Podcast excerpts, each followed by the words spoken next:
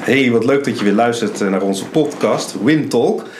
En uh, het is herfstvakantie. We, we kunnen eigenlijk weer eens een keertje, hè, Wim. Het is alweer een tijd geleden.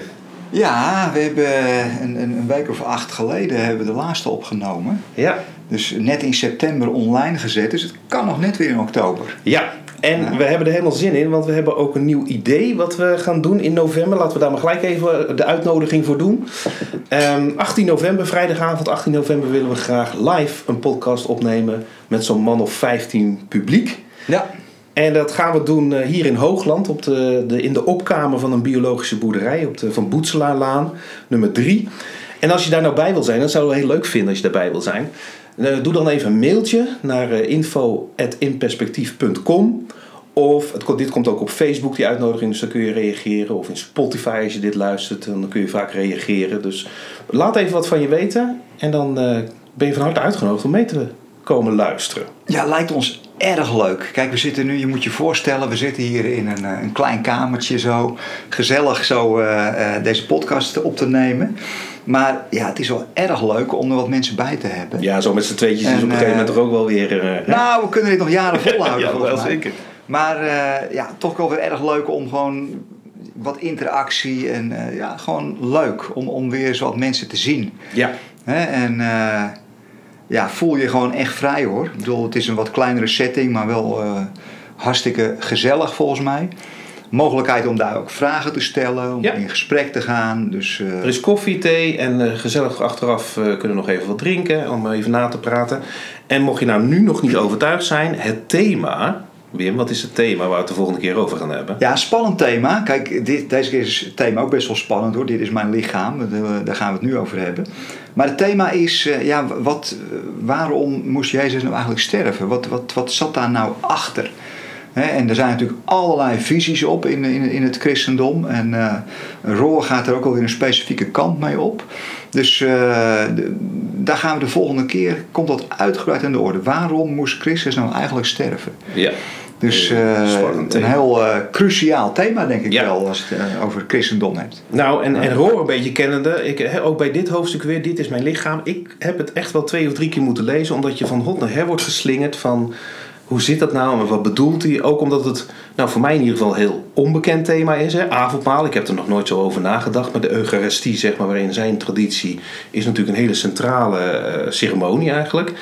Uh, maar wij hadden bij het vorige hoofdstuk dat ook al, hè, dat we over Maria moesten gaan nadenken. En nu moesten we gaan nadenken over de Eucharistie. Dat staat toch wat verder van mijn bed af in ieder geval. Hoe was dat voor jou? Absoluut. Nou ja, in, hij heeft duidelijk een katholieke achtergrond. Ja.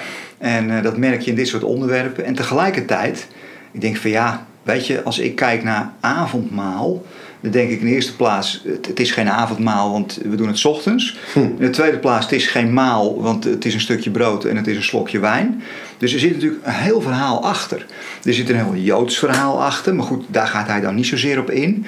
Maar uh, er zit ook een heel verhaal achter als het gaat om de katholieke betekenis. En daar gaat hij dan weer wel op in. En denk ik van ja, katholiek betekent algemeen. Dus uh, ik denk dat uh, ook wij al met een protestantse achtergrond kunnen daar best wel eens op kouwen. En ja. dat doen we dus nu ook. Mooi woord, mooi woord. Dat ja. komt er straks nog terug, dat kouwen. Ja. ja, Roor heeft dit geschreven op een, op een paasmorgen, om het zo maar te zeggen, denk ik, in 2017. Hij geeft dat zelf aan, met grote vreugde geschreven op Pasen 2017. Dus hij is er eens een keer goed voor gaan zitten met Pasen. En uh, hij begint eigenlijk dit hoofdstuk van... ja, ik heb nu al wel duizenden keren het avondmaal gevierd. En uh, als heel vanzelfsprekend. Hij is natuurlijk ook priester, dus hij zal dat ook voorgegaan zijn hele, vele malen. Maar enkele jaren terug viel hem opeens iets op, begint het hoofdstuk... En dat Jezus die zegt niet, dit is mijn geest. Of Jezus zegt ook niet, dit zijn mijn gedachten of mijn woorden. Maar hij zegt iets heel gedurfds, dit is mijn lichaam. En nou moet jij eens even uitleggen waarom dat nou zoiets gedurfds is in die tijd en in die context dat Jezus dat zei.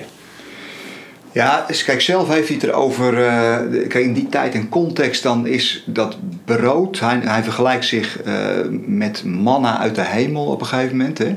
Hij zegt: Dit is mijn lichaam, maar hij zegt ook: uh, Ik ben het levende brood. En net zoals de, jullie voorouders manna hadden in, in de woestijn, zo ben ik eigenlijk in de woestijn van het leven. ben ik het brood waardoor je kunt overleven, waardoor je moet overleven. Dus uh, nou, dat is redelijk chockerend, denk ik. Dat je jezelf vergelijkt met een overlevingsmechanisme. Ja, hij zegt zelfs dat hij nog meer is dan dat manna. Hè? Ja, het is het ware leven. Ja. Nou ja, dat, dat manna hield de Israëlieten in leven. Dat is trouwens wel bijzonder hè, als je het hebt over onze consumptiemaatschappij. Maar dat manna was één dag goed. En de volgende dag kon je niet meer eten. Dan was het bedorven. Je kon dus, niet opsparen. Nee. En ergens is dat ook wel weer mooi. Want je zou kunnen zeggen, die Augustie, die doe je ook steeds weer opnieuw. Uh, ja, verliest het zijn waarde dan? Nee, maar die gemeenschap moet je steeds weer oefenen. Mm. Dus, ja, dus ergens eh, is dat ook niet op te sparen. Dat, dat moet je steeds weer opnieuw, opnieuw doen.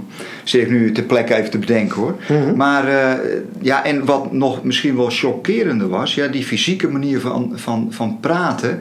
Kijk, je hebt natuurlijk in, uh, in allerlei religies, in het Jodendom nog het minste, denk ik, maar zeker ook in het christendom en in andere religies, heb je natuurlijk het lichamelijke, dat is eigenlijk minder waardig. En het geestelijke, daar gaat het echt om. Mhm.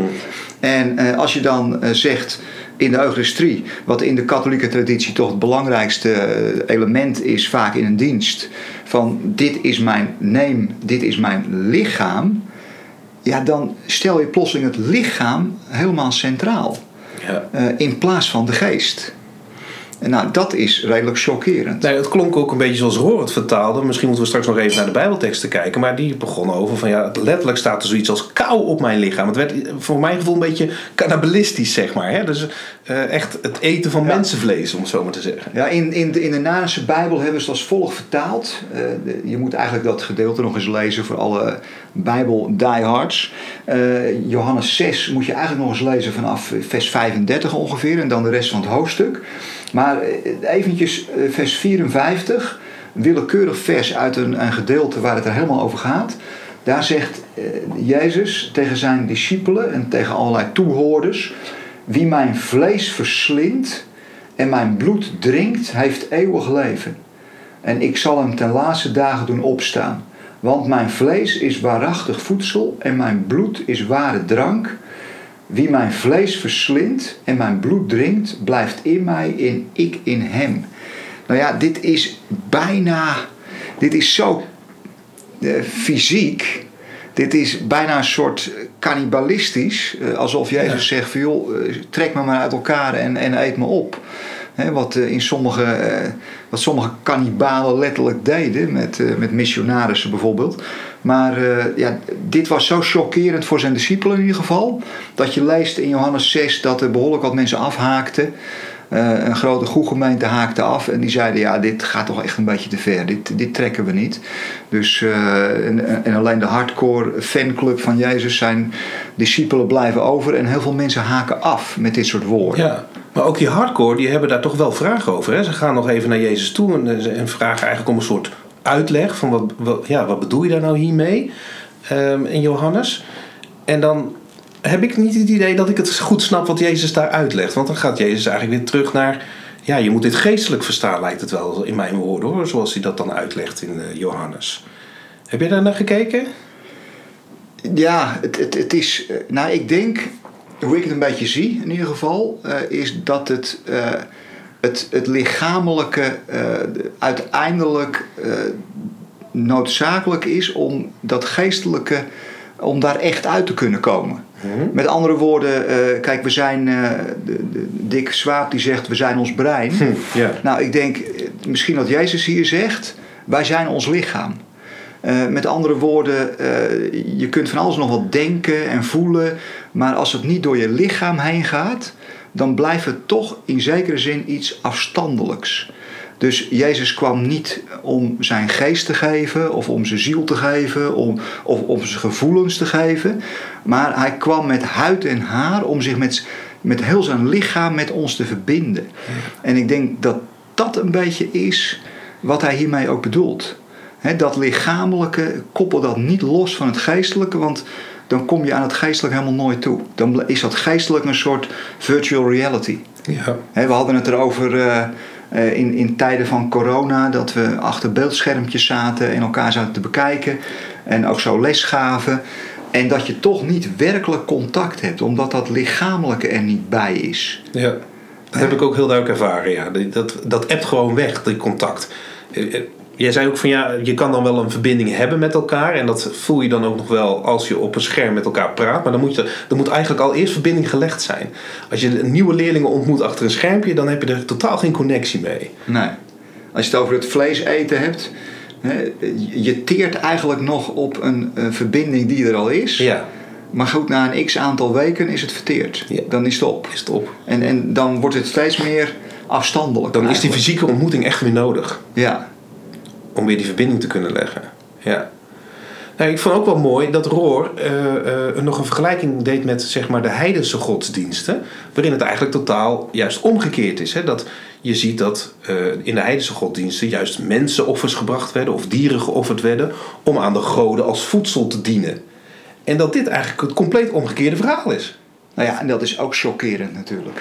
Ik bedoel, binnen het Jodendom had men het ook. Want je zegt heidense godsdiensten. Maar binnen het Jodendom was je natuurlijk een, een complete offercultus. Allemaal beesten. Eh, met, met allemaal, het, het was gewoon een soort eh, nou ja, enorme slagerij. Met al die priesters die daar eh, bebloed en met messen. En, Ja. de, de, de- ja, we hebben er vaak een soort heilig beeld van. Maar nou, dat ging er zeer bloederig aan toe. Eh, en ja, dat had toch min of meer ja, eh, niet net iets anders dan bij, bij een hoop andere culturen waar je de goden echt tevreden moest stellen met die dieren die je offerde. Nou, zo was het nou binnen het Jodendom ook weer niet. Maar het was wel een manier om dicht bij God te komen. Dus eh, via, via zo'n zo'n dierenoffer. Ja, zoals een toenaderingsoffer, Een, een toenadering. Mhm. Ja, dus om dichterbij te komen, als het ware. Maar ja, dus dat had je in het Jodendom ook. En dan is het wel heel chockerend dat eh, eh, de Godheid zegt: van nee, eh, jullie hoeven je niet toe te naderen tot mij door middel van dierenoffers. Ik nader me toe naar jullie toe door mijzelf te offeren. En daar mag je op kouwen, zeg maar. En, ja. en, en kou daar maar eens op. Ja, dat is natuurlijk bizar eigenlijk. Dit, dit, dit, dit is in geen enkele religie is dit zo. Eh, en dus wat hier Jezus presenteert is iets volstreks nieuws en unieks. En eh, het is dus niet zo gek dat, dat mensen dat lastig vinden. Ja. En eigenlijk niet helemaal trekken. Vanuit hun cultuur niet. Nee. Nee, maar ook, ook niet als je in de cultuur zit van de kerk. Het, eh, hoe vaak heb ik niet als klein kind eh, tijdens een preek, dat was dan voorafgaand aan het avondmaal. Hè, dan zouden we de volgende zondag zou het avondmaal gevierd worden.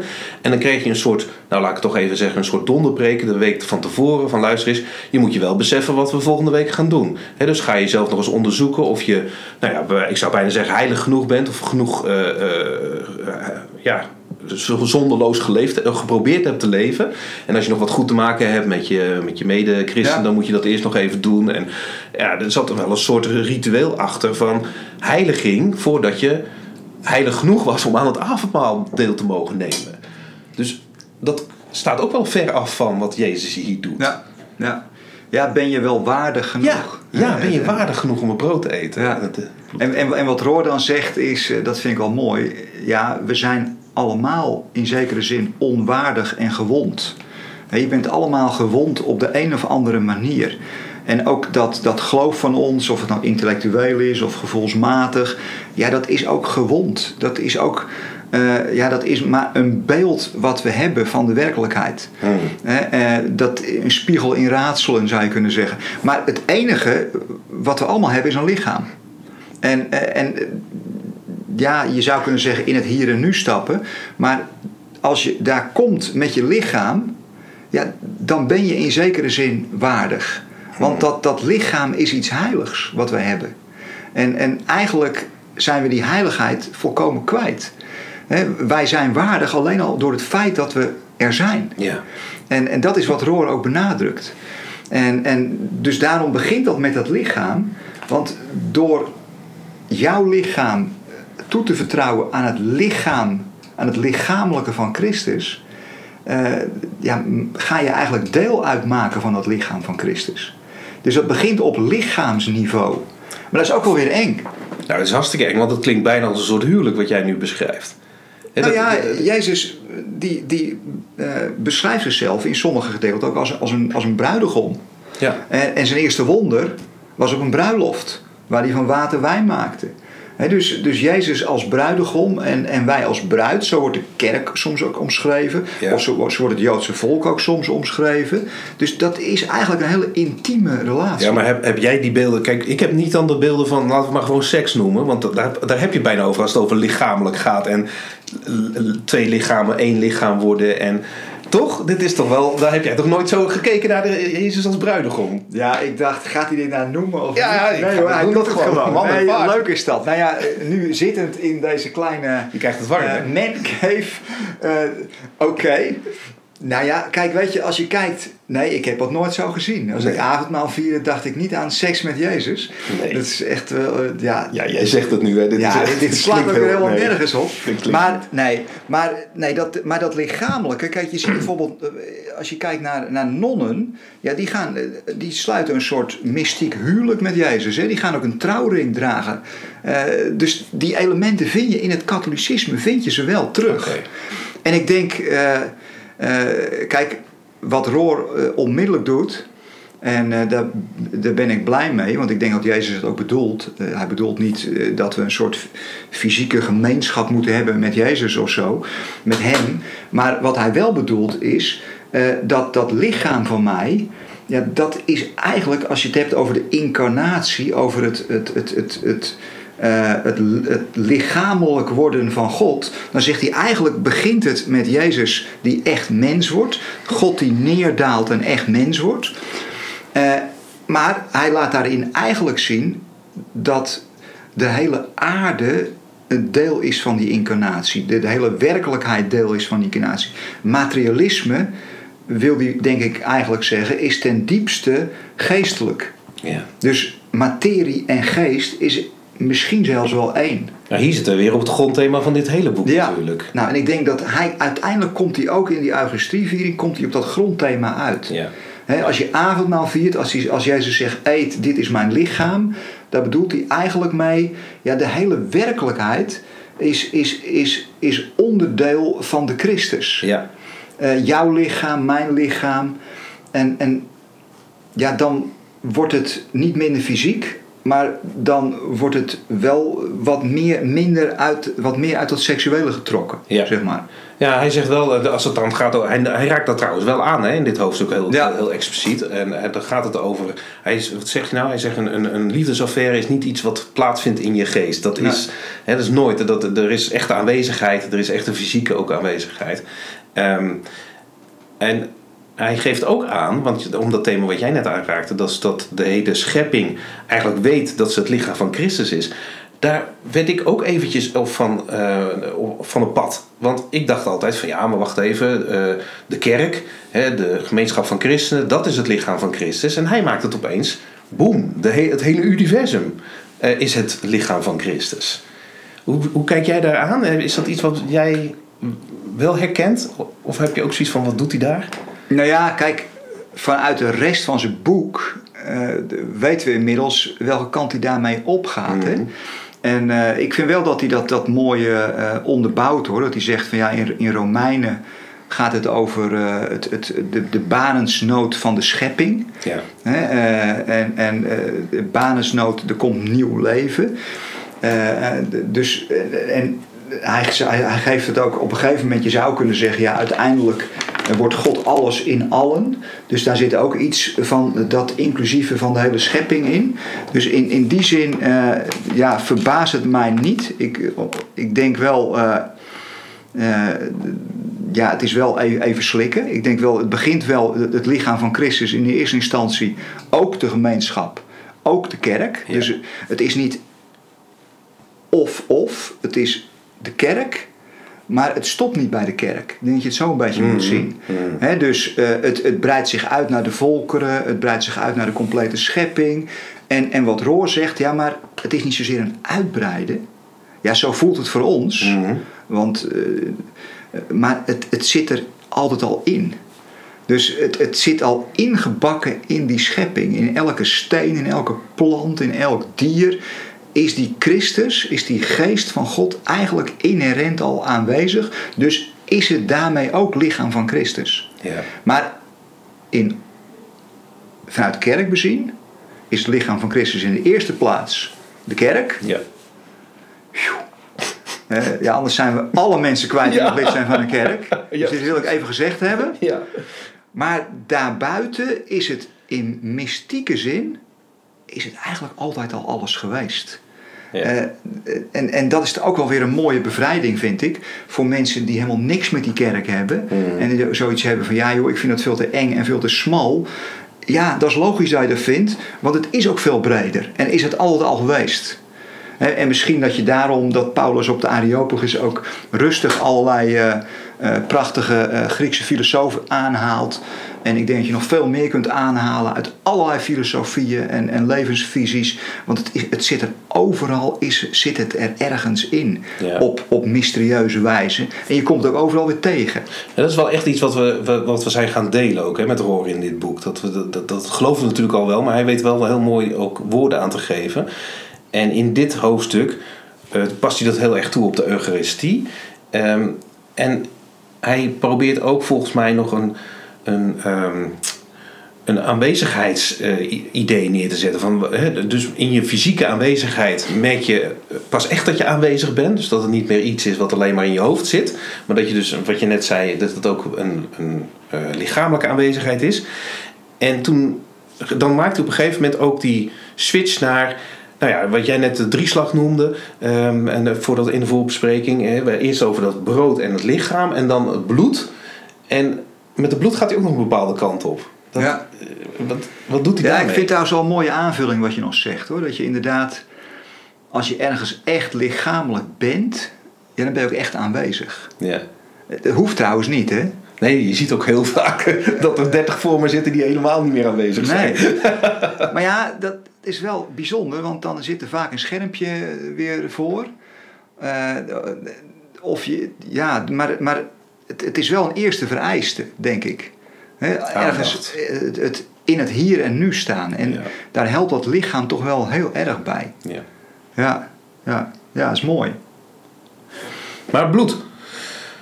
Ja, dat bloed. Nou ja, dat is eigenlijk, eh, je zou kunnen zeggen, de, de, de tweede wat hij noemt, wat ook weer chockerend is. Hè, want eh, bloed in, het- in, het, in het Jodendom is iets eh, onreins. Mhm. Zeker mensenbloed. Dus ja, de- de- eigenlijk ontheilig je daarmee alles. Dan moet je jezelf reinigen, dan moet je de mikva in, het, het, het rituele Oh, ja. bad. En, Mm. eh, dus als Jezus zegt, ja, drink mijn bloed. Ja, het, het, het wordt steeds eh, raarder. Het wordt steeds enger. Ook als je met Joodse oren hoort. ja, maar, ja. Roor noemt het een soort- Dracula-party of zo. eh. Eh, de- dus ja, wat, wat, wat, wat, wat moet je daar nou weer mee? Hè, de- de- dus het is niet zo gek dat, dat, dat mensen dat afstotelijk vinden. Want dat, dat is ook echt afstotelijk. Niet zo En- gek dat die Joden toen ook uh, velen hem verlieten, zeg maar, zoals in Nee. Staat. En Roor zegt op een gegeven moment ook van ja, dit is zo chockerend. Zou Jezus gewoon bewust eh, shock- willen chockeren? Ja, En dan zegt hij ja, dat wil hij bewust. Hij Dat wil zijn conclusie, bewust chockeren. ja. En, en hij heeft het dan, eh, ja, m- m- misschien eh, ben ik niet eh, door dat soort rituelen heen gegaan, maar hij noemt dat dan, het is typisch van mannen, zegt hij, inwijdingsrituelen voor mannen, symbolisch verdrinken, het graven van je eigen graf, naakt kolen door de as heen Ja. rollen. Ja. Ik weet niet op wat voor soort studentenvereniging hij gezeten heeft, maar. Volgens mij eh, is hier eh, wel wat eh, nodig om dat ook wat weer aan te passen, denk ik, aan eh, de 21ste eeuw. Maar, eh, of de klap op de wang die de bisschop vroeger gaf, Mm. nou dan valt het nog wel mee. Als je naakt door de as heen rolt, vind ik zo'n klap nog wel meevallen.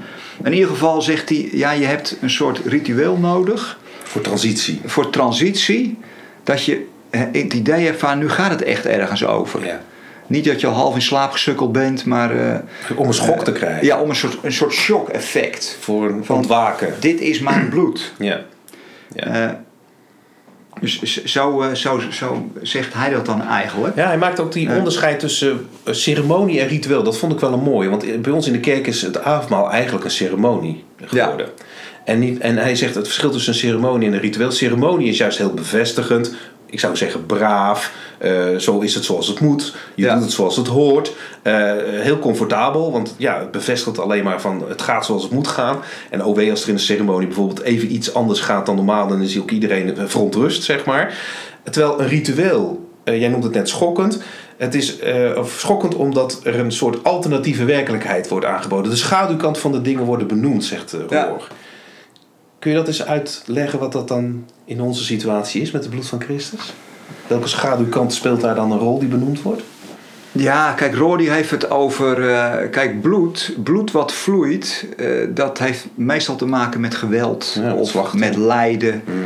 Uh, fysiek lijden, het begint ook bij het lichamelijke, maar de, de, de, als de bloed vloeit, dan gaat dat niet goed, dan is er ergens iets misgegaan.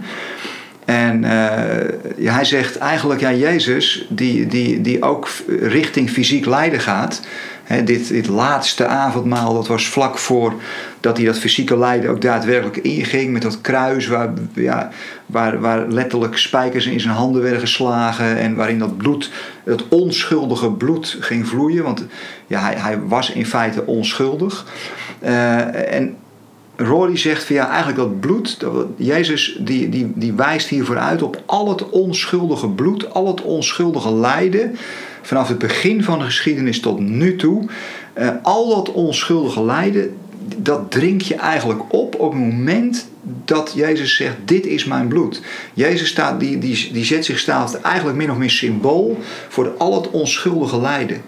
Dus het, eh, je, je maakt jezelf solidair, je maakt jezelf, je, je maakt je als het ware één met al het onschuldige lijden. Ja, dat is wel heftig natuurlijk. Dat is wel schokkend. Dat je jezelf vereenzelvigt met het lijden, met de onrechtvaardigheid die vanaf het begin van de schepping aanwezig is. Dat je dus juist niet als christen je daar vanaf, hè, dat je een soort heilig wordt en naar boven gaat zweven, maar dat je je gaat vereenzelvigen met het lijden. Ja. Dat betekent namelijk dat je geheid ook lijden uh, leert kennen en, en zal tegenkomen. En dan weten we natuurlijk allemaal wel dat je in je leven dat tegen gaat komen, maar nou ga je het dus bewust opzoeken.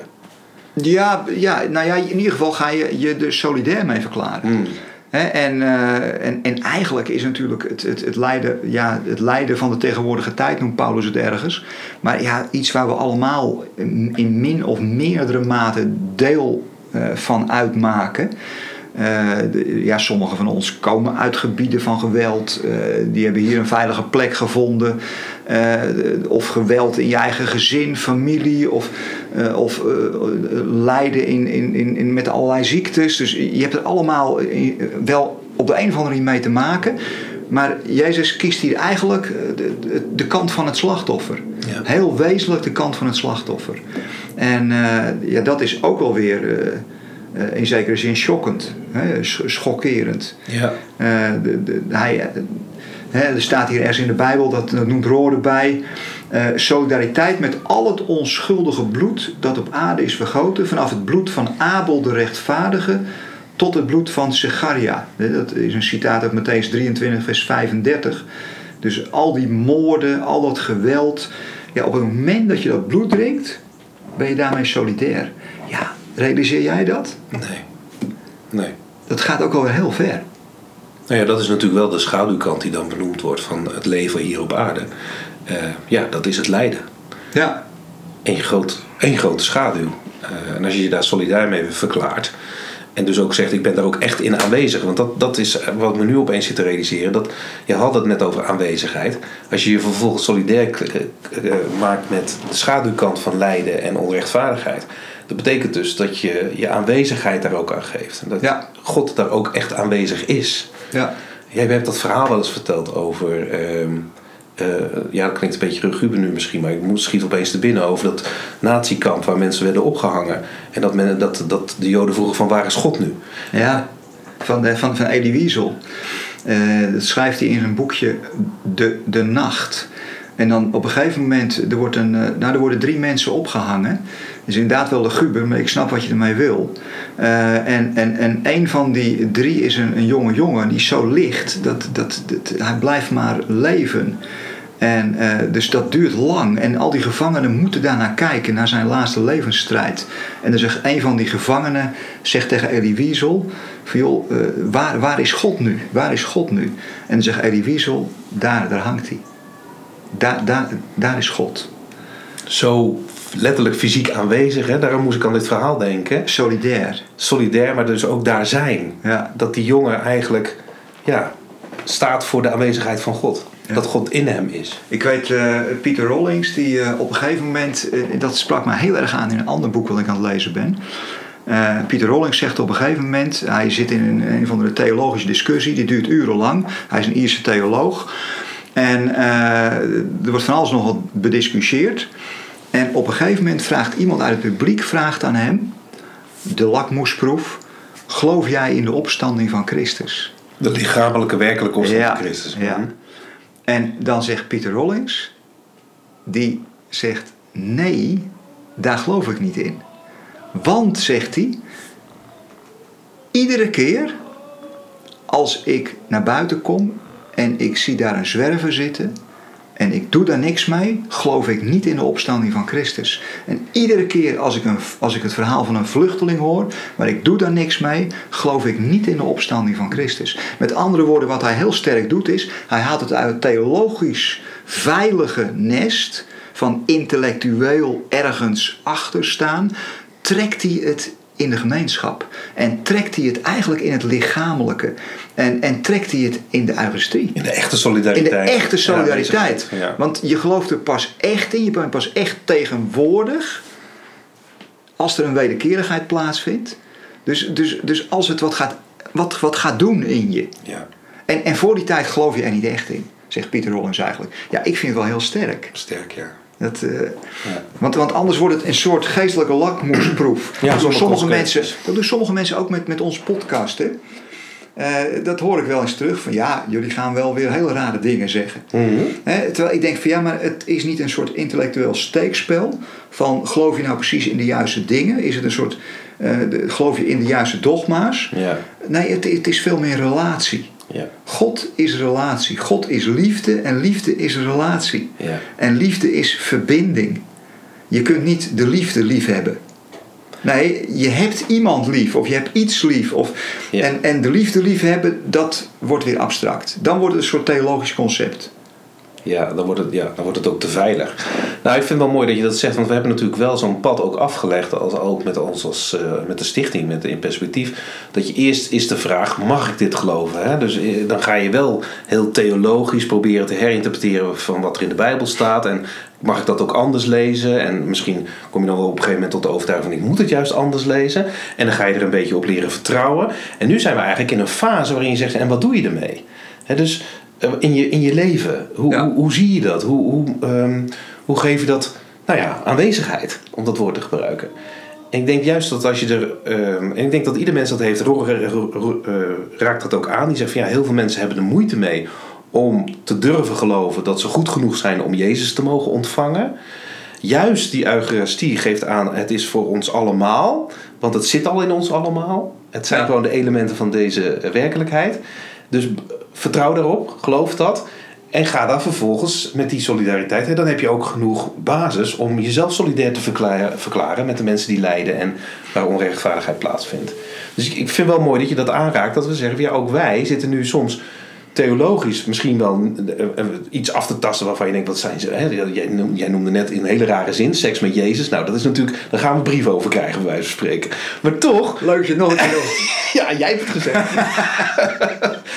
en ik, ik krijg de brieven. Ja.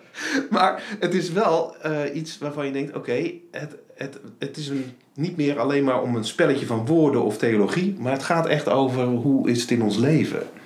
En dan is seks is natuurlijk een heel wezenlijk onderdeel van ons als mens zijn. Ja. En dat je dat durft te verbinden met aanwezigheid en hoe God aanwezig zijn wil zijn met ons, dat dat eigenlijk nog veel intiemer is dan wat wij als mensen onderling kunnen. Ja, dat, als je dat durft te gaan geloven en durft op te vertrouwen, ja, wat houd je dan tegen om wel voor die zwerver uh, te zorgen en wel voor uh, die vluchteling iets te betekenen? Want vaak is het alleen angst wat, wat je weerhoudt. Ja, nee, zeker, zeker. Nou, en ik denk ook, het is, het is een proces waar wij natuurlijk al een tijd in zitten. Hè? Ik bedoel, dit hele gebeuren. Dus uh, ja, als je zo plotseling een losse podcast luistert, dan denk je: uh, oké, okay, wacht even. Ik zou zeggen, begin even bij deel 1 en mm. dan kom je hier vanzelf weer uit. Mm. Maar uh, ja, en sowieso, het is ook een fase in je leven misschien wel. Kijk, je, we hebben het wel eens eerder over gehad, maar je hebt natuurlijk een. ja, op een gegeven moment bouw je een, een, systeem op, een soort identiteit op. En nou, daar hoort je opvoeding bij. En, en dan hoop je maar dat je ouders niet te veel schade aanrichten. Uh, maar er hoort alles bij. Er hoort de kerk bij, er hoort de, de, de theologie bij. Nou ja, uh, dus iedereen bouwt zo zijn eigen systemen op. En, en dan kom je op een moment dat je dat weer wat gaat relativeren en gaat loslaten. En je, je, gaat denken van ja, maar wat is nou echt werkelijk wezenlijk? Waar komt het nu echt op aan? Ja. en dan is in de eerste plaats een stuk gezonde theologie belangrijk. Los van die angstcultuur. Wat noem jij een gezonde theologie? Uh, de evangelische universalisme, dat vind ik gezonde theologie. Even heel kort door de bocht. Uh, want dan sta je los van die hele angstcultuur en van een soort bloeddorstige God die van alles nog wat eist. Nee, dan kom je uit bij een liefdevolle vader die echt het beste met je voor heeft en met deze hele schepping. En, en die ook uh, bij machten is om dat voor elkaar te krijgen. Ja. Dus, maar die gezonde theologie, die wordt min of meer de basis. En, en mij dan is wel eens de vraag van ja, en nu dan? Ja, maar dan begint het pas. Ja. Dan begint het pas. Nou, daar kom je langzamerhand achter. Want dan begint het avontuur pas echt. En dat avontuur is ook veel al loslaten en, en veel al uh, in relatie gaan met. En uh, ja, dat is wel een mooi avontuur, maar dat is ook wel weer nieuw. En ik denk, Roar komt wat dat betreft op een goed moment. Voor ons althans. Ja. Misschien niet voor al onze luisteraars. Geeft helemaal niks, want dan zit je nog op een ander, uh, op een ander spoor en dat is ook goed. Maar uh, ja, van dat loslaten en vanuit dat fundament is wat verder kijken. Ja, uh, en het laten gebeuren. Ja, dat is wat Roel volgens mij in het, in het derde deel van dit hoofdstuk heel duidelijk aangeeft. Hè. Het is gegeven voor jou. Dat zegt Jezus ook. Um, hij breekt dat brood, hij geeft zijn bloed. Um, en hij maakt dat persoonlijk. Het is voor jou. En daarop mogen vertrouwen dat het ook voor jou is, wat je ook doet, of wat je gedaan hebt, of wat je nog zal doen. Uh, jij zegt wel eens, uh, het is heel irritant, want uh, God gaat niet meer, minder van je houden, maar hij gaat ook niet meer van je houden. Um, er is een basis waar je op mag vertrouwen. Hoe, hoe, hij gaat zelf volgens mij praten over, nou ja, dat stukje over, hij vergelijkt het zelf met liefdebedrijf in dat stukje, dat, dat heb je al aangeraakt. Um, niet zozeer om het lichamelijk genot, maar dat het voor jou is, op jou gericht, hè, om, om, om jou ja, zeg maar te behagen, dat woord gebruikt hij zelfs. Um, is, dit, um, ja, is dit iets wat impact heeft, zat me af te vragen, voor mensen die echt aan het avondmaal gaan? Denk je dat de mensen zo naar het avondmaal toe gaan en dat zo ervaren? Nee, ik denk het niet. Niet meer, hè? Niet meer. En, en, dat is natuurlijk wel de frustratie van Roor, die natuurlijk als, als priester uh, heel veel van dit soort bijeenkomsten leidt. En heel veel, nou ja, dat heeft hij tien, eh, misschien wel tienduizenden keren gedaan in zijn lange leven. Uh, en dat hij dat, ja, dat, ja, dat duffe groepje mensen, die eigenlijk min of meer bijna uit automatisme dat doen uh, je gebruikt de woorden, maar je hebt geen flauw idee wat voor chockerende werkelijkheid er eigenlijk achter zit. Uh, ja, dat er gaat, is het wel een fantastisch hoofdstuk natuurlijk, om dat inderdaad op te schudden. Mm. Uh, de, de, het lijkt me leuk om weer eens een keer tijdens een avondmaalsdienst te preken. Ja, ik me te denken. ik denk dat je voorlopig niet wordt uitgenodigd. wel erg leuk. Maar ja, dus dat vind ik wel, ja, het is wel mooi om het weer eens op, op, op die oorspronkelijke manier te bekijken. En dat is eigenlijk de drieslag. Hè? We hebben het over het lichaam gehad, we hebben het over het bloed gehad. Mhm. En het derde is dat hij eigenlijk zegt, Roor, het, dit is mijn lichaam gegeven voor jou. Dit is mijn bloed gegeven voor jou. He, dus dat, dat voor jou, ja, en, en hij vergelijkt dat, laat ik dan nog maar één keertje zelf zeggen. Op een gegeven moment zegt hij: uh, het, het is het goddelijk verlangen dat naar ons uitgaat. Dus eh, als het ware, God verlangt zo enorm naar ons, naar uh, gemeenschap met ons op, op een heel intiem niveau. Dat hij zegt van ja, je kunt het vergelijken. Het is het verschil tussen het ontvangen van een oprechte Valentijnskaart. Met daarop de boodschap: Ik houd van je. Uh, en met het bedrijven van de liefde, fysiek, naakt en teder, met iemand om wie je zielsveel geeft en die zielsveel om jou geeft. Waarom zijn we daar zo bang voor? dus die, God, hij zegt, maar jongen, ik doe het voor jou. Jij bent zo bijzonder, jij bent zo uniek. Uh, ik doe het speciaal voor jou. En uh, met huid en haar hou ik van jou. Eh, dus ik heb het voor jou over. Nou ja, als je dat binnenlaat, Ja. ja, dan is dat ook wel heel kwetsbaar en ook wel, dan voel je je ook wel heel naakt. Dat is heel onbeschermd eigenlijk. En als je daar aan over durft te geven, eh, ja, dan, dan zegt hij, ja, dan, dan gaat het ergens om. Ja. Dan, dan, dan heb je echt contact met elkaar. Dan, dan heb je het ergens over. Dan is het niet meer een spel, maar dan is het plotseling werkelijkheid geworden. En eh, eh, op een gegeven moment citeert hij, geloof ik, eh, de Flannery O'Connor. Ik weet niet precies wie dat is, moet Nee. nog eens opzoeken. Dan zegt hij, ja, als we de aanwezigheid in de elementen opgeven, dat we diezelfde aanwezigheid in onszelf opgeven. Als het alleen maar symbolisch is, ja, waar heb je het dan precies over? Dat is dat, is dat katholieke, hè? Ja. Hij zegt van ja, maar er gebeurt echt iets. En tegelijkertijd, ja, natuurlijk eet je niet echt het lichaam van Jezus op. Dat is natuurlijk flauwekul. Maar er gebeurt wel echt iets. Ja. Het is meer dan alleen maar een onschuldig ceremonietje. Als, je, als, je de, als je de werkelijkheid erachter gaat realiseren, zegt hij, ja, dan wordt het ook wel chockerend wat je eigenlijk aan het doen bent.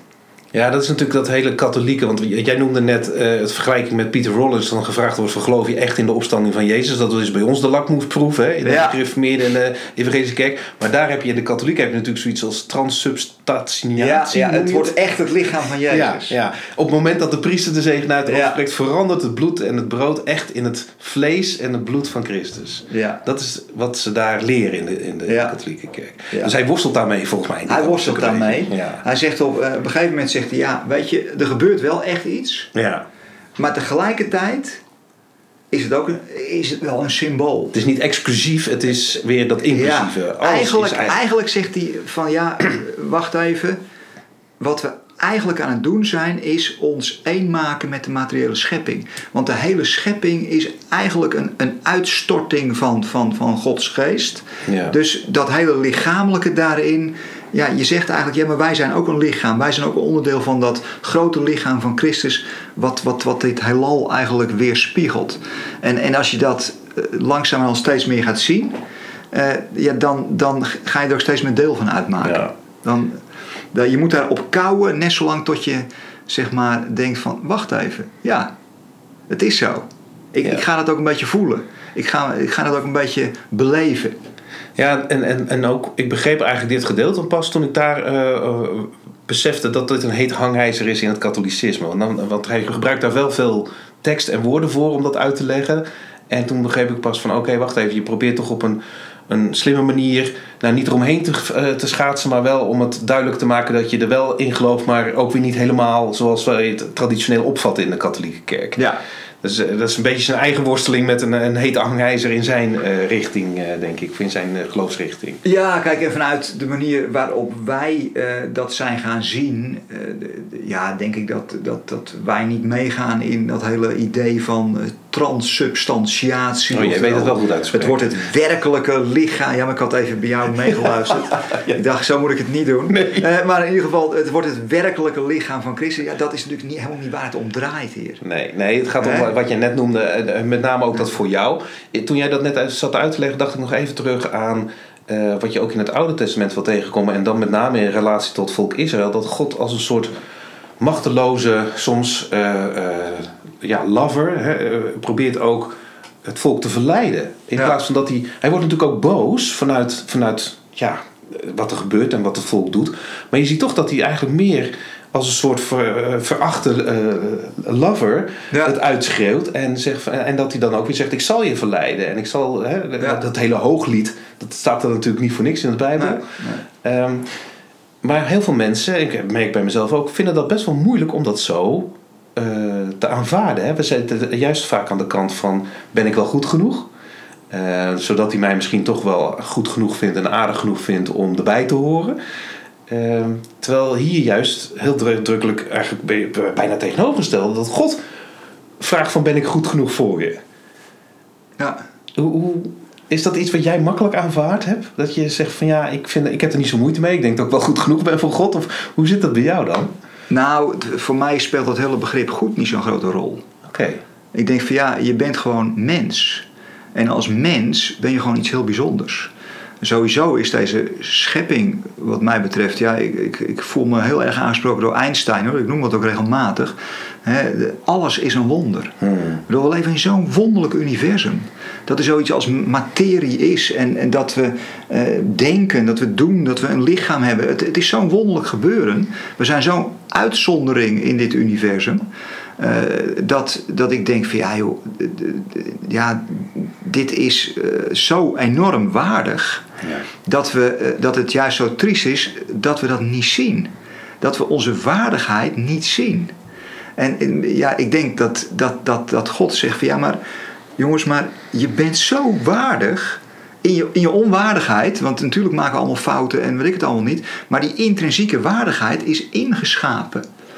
En, en misschien dat deels doordat we het niet zien, dat we ons zo onwaardig gaan gedragen.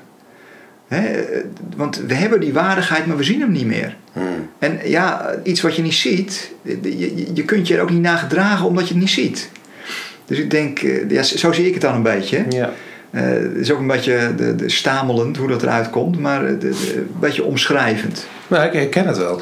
Je ziet natuurlijk ook bij opgroeiende jeugd, op het moment dat ze van zichzelf eh, slecht denken, is hun gedrag vaak ook niet zo fijn. Nee, En, en, en dan kan je zeggen oorzaak-gevolg, maar ik denk dat wat jij aangeeft dat het zo zit. Dat het inderdaad het denken over jezelf of ook over anderen, over überhaupt hoe de wereld in elkaar zit, dat dat het, het verkeerde gedrag opwekt.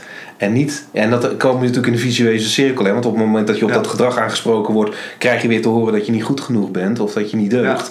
Eh, en dan krijg je natuurlijk een putje naar beneden.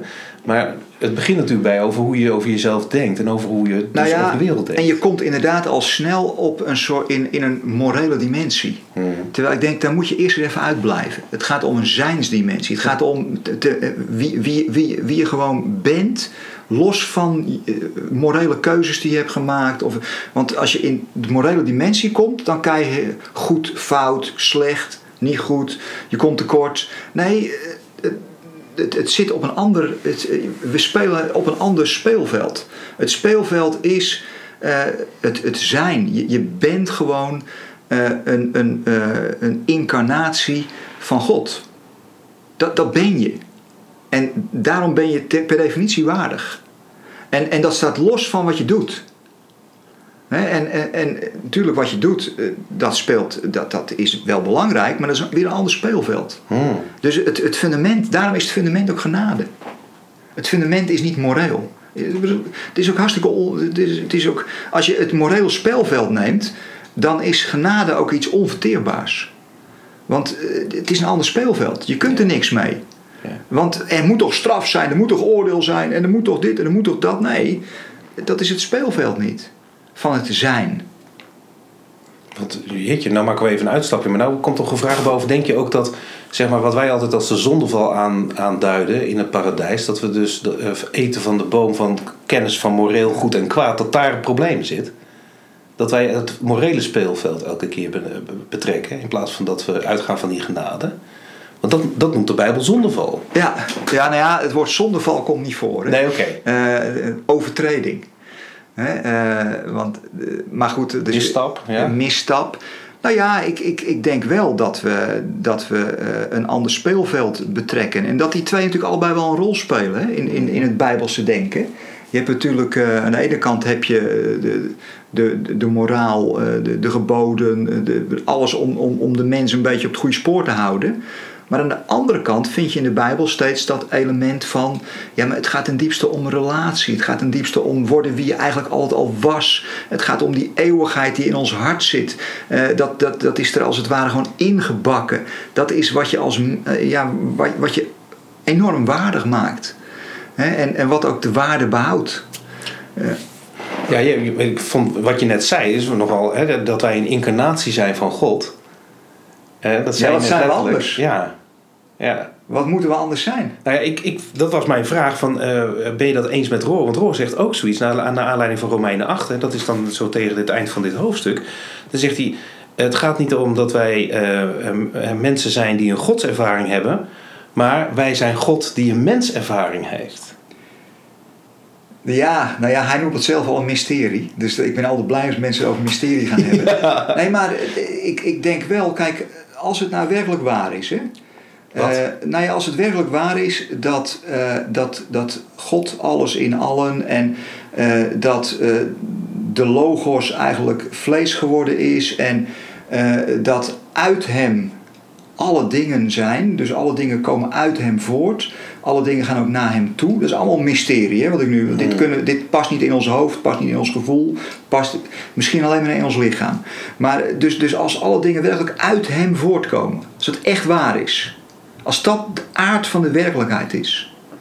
eh, en dat wij met Christus verborgen zijn in God.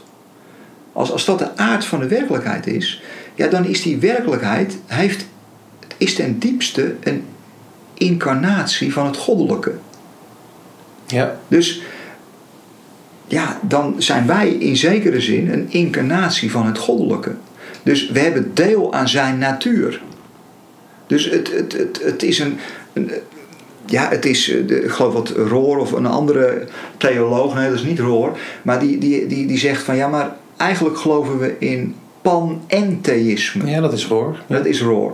Panentheïsme. Dus pantheïsme, alles is goddelijk. Nee, wacht even. Het, het goddelijke is wel alles, maar het, het, het is niet zozeer dat het een soort eh, bewustzijn is wat geen persoonlijkheid meer heeft. Nee, er is persoonlijkheid, er is individualiteit, er is, eh, dus dat is er, dat is theïsme, Ja. maar het is ook pan. Dus het, het is ook, we zijn ook onderdeel van dat grote goddelijke bewustzijn. Ja. Hij noemt dat de goddelijke dans of eh, het wezen van een drie-eenheid, relatie, het- een soort centrifuge waar je als het ware ingetrokken wordt. Dus het, het is allebei waar. Ja. Nou ja, wij geloven dat natuurlijk heel duidelijk van Jezus. Dat Jezus is eh, God die een menservaring heeft, die eh, vlees geworden eh, is. Het woord dat vlees geworden is. En als wij geloven dat wij zijn als Jezus, dan is het weer een klein stapje eigenlijk. Hè? We zullen worden gelijk hij is. Ja. ja. Dus van Jezus leren we eigenlijk wat volkomen mens zijn is. Ja. Want dat is wat hij kwam doen, volkomen mens worden. Ja. En, Nou ja, kijk, en in die waardigheid ja, zijn wij God, ja, de- de- de- hey, hebben wij al deel aan die goddelijke natuur. Ja. Mhm. Dus zijn we een onderdeel, want het woord Gods is ook natuurlijk een leeg begrip, zijn wij onderdeel van die goddelijke natuur. Dat is dat onverwoestbare wat in ons zit, die eeuwigheid ja. die in ons zit. En, En, en, die, en die waardigheid die raak je nooit kwijt. ja, dan kan het ook niet misgaan, zit ik net te bedenken. Dan is het niet een strijd van kom je er wel of kom je er niet. Nee, dat is het speelveld helemaal niet. Nee. En zolang dat nog het speelveld is, ja, blijf je altijd in onzekerheid en blijf je altijd bang en doe ik het wel goed genoeg. En ja, dat doet helemaal niet zo heel veel ter zake.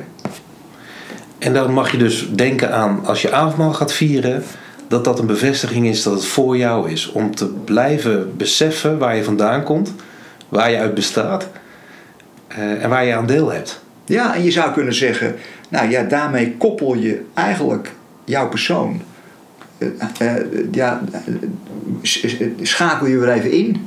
Je, je bent weer even, het is een soort update. Mhm. Dat heb je af en toe eens even nodig. Een soort update om je weer even in te pluggen in, in de werkelijkheid. De werkelijkheid die Christus is. Ja, de aanwezigheid eigenlijk. De aanwezigheid. Letterlijke aanwezigheid. En, ja, hoe, en, en dat is het kwetsbare. Eh, zowel je lichaam, eh, alles erop en eraan. Ja, dat plug je daarmee weer even in. Ja.